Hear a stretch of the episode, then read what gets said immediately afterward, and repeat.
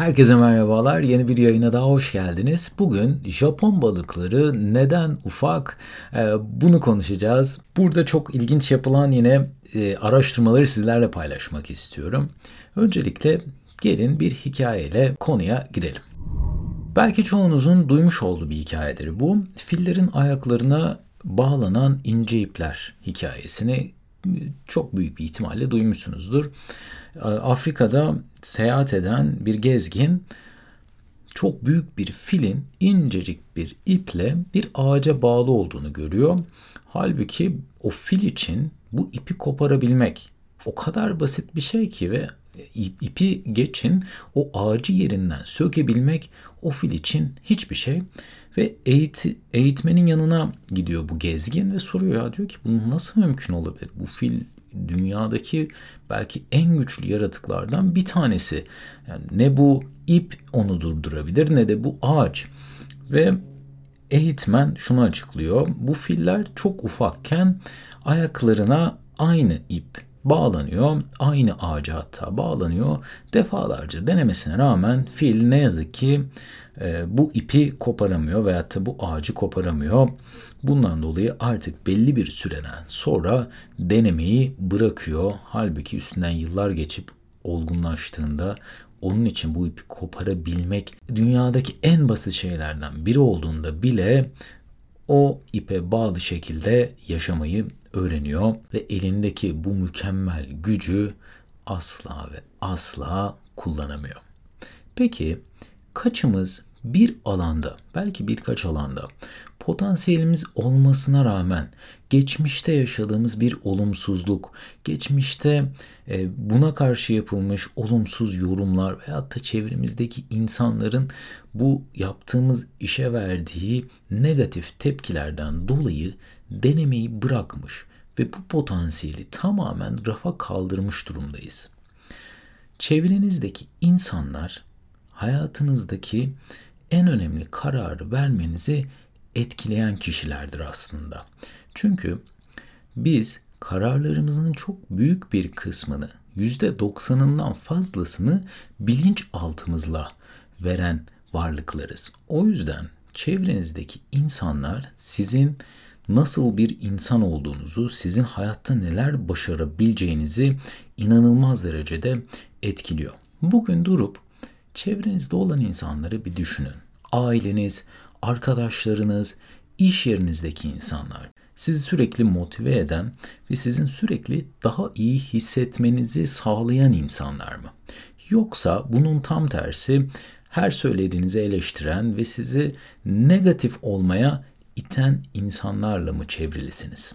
Çok sevdiğim bir söz var. Bunu paylaşmak istiyorum sizle.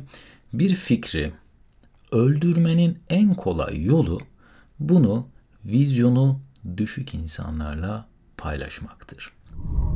Ben kendi hayatımda da çok farklı kararlar aldım. Bunda özellikle çevremdeki insanlar, benim ailemin çok büyük bir kısmı öğretmen, maaşlı insanlar ve ilk iş yeri kurduğumda farklı şeyler denediğimde onlar benim endişelendiğim miktarın belki 20 katı daha fazla endişelenmişti.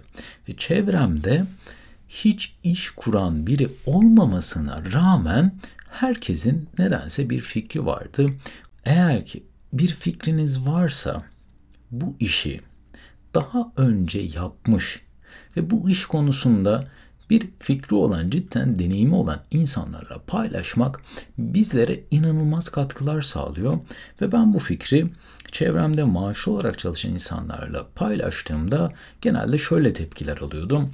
Ya bu iş zaten e, şu şu sebeple olmaz.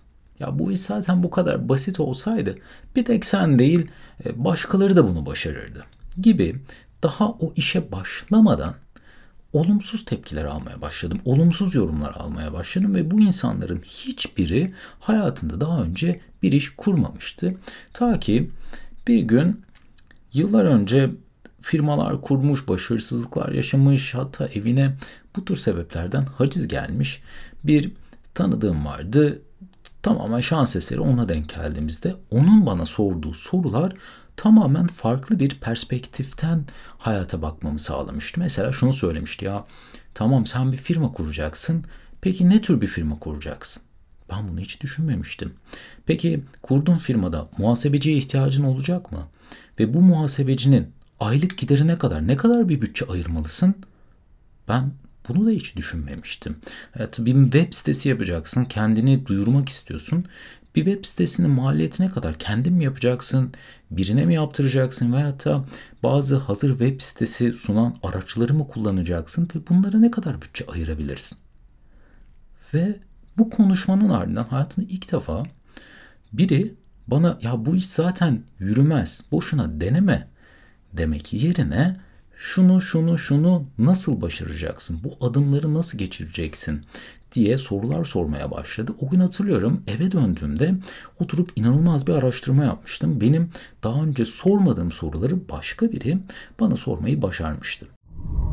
Sizce kaçımız kendi istediğimiz hayatı değil de başkalarının bizim için dizayn ettiği hayatı yaşıyor? Burada Japon balıklarının neden ufak olduğu hikayesini anlatmak istiyorum sizlere. Japon balıkları sadece yaşadıkları akvaryum hacmine odaklı olarak büyüyebiliyorlarmış. Yani standart boyuttaki bir akvaryumda Japon balıklarının ortalama boyu 4-5 santimi hiçbir zaman geçemiyormuş.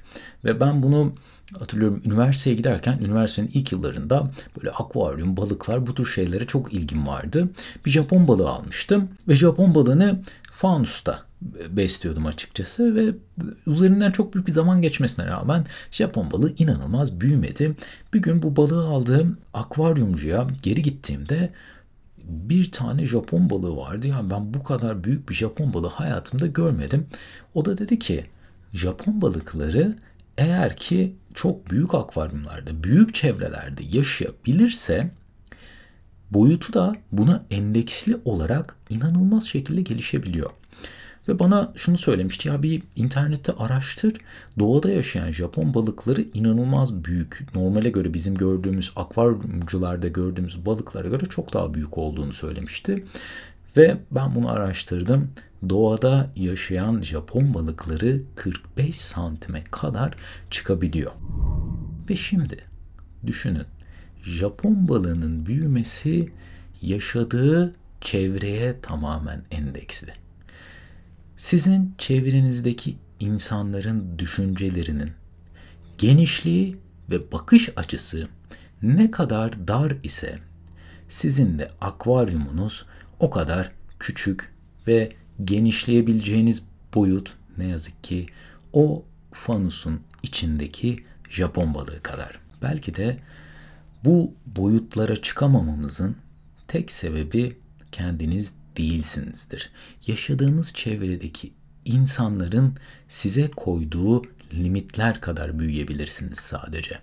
Eğer bugüne kadar çevrenizde olan insanları hiç böyle bir filtreden geçirmediyseniz bu yayından sonra biraz durup yaşadığınız çevrede olan insanları tekrar gözden geçirin lütfen.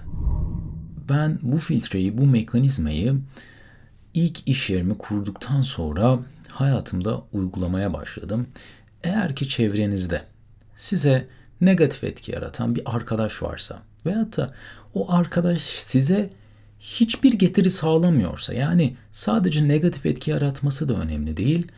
O insanla olan ilişkinizi tekrar düşünün. Hayatınızda ne kadar pozitif, hayatınızda size ne kadar destek çıkan insanı barındırabilirseniz sizin de yaşam kaliteniz aynı miktarda artacaktır. Belki de o ilişkiyi bitirmekten korktuğun için sana zarar veren o toksik hale gelmiş ilişkiyi sadece yalnız kalmamak için devam ettiriyorsan bu ilişkinin sana verdiği zararı durup bugün bir düşün. Beni dinlediğiniz için çok teşekkür ediyorum. Bugünlük de bu yayının sonuna geldik. Eğer yaptığım yayınları beğeniyorsanız dinlediğiniz platformlardan yorum yapabilir, beğeni yollayabilirsiniz ve bu sayede daha fazla insana yaptığım yayınları ulaştırabileceğimi düşünüyorum. Başka bir yayında görüşmek üzere, hoşçakalın.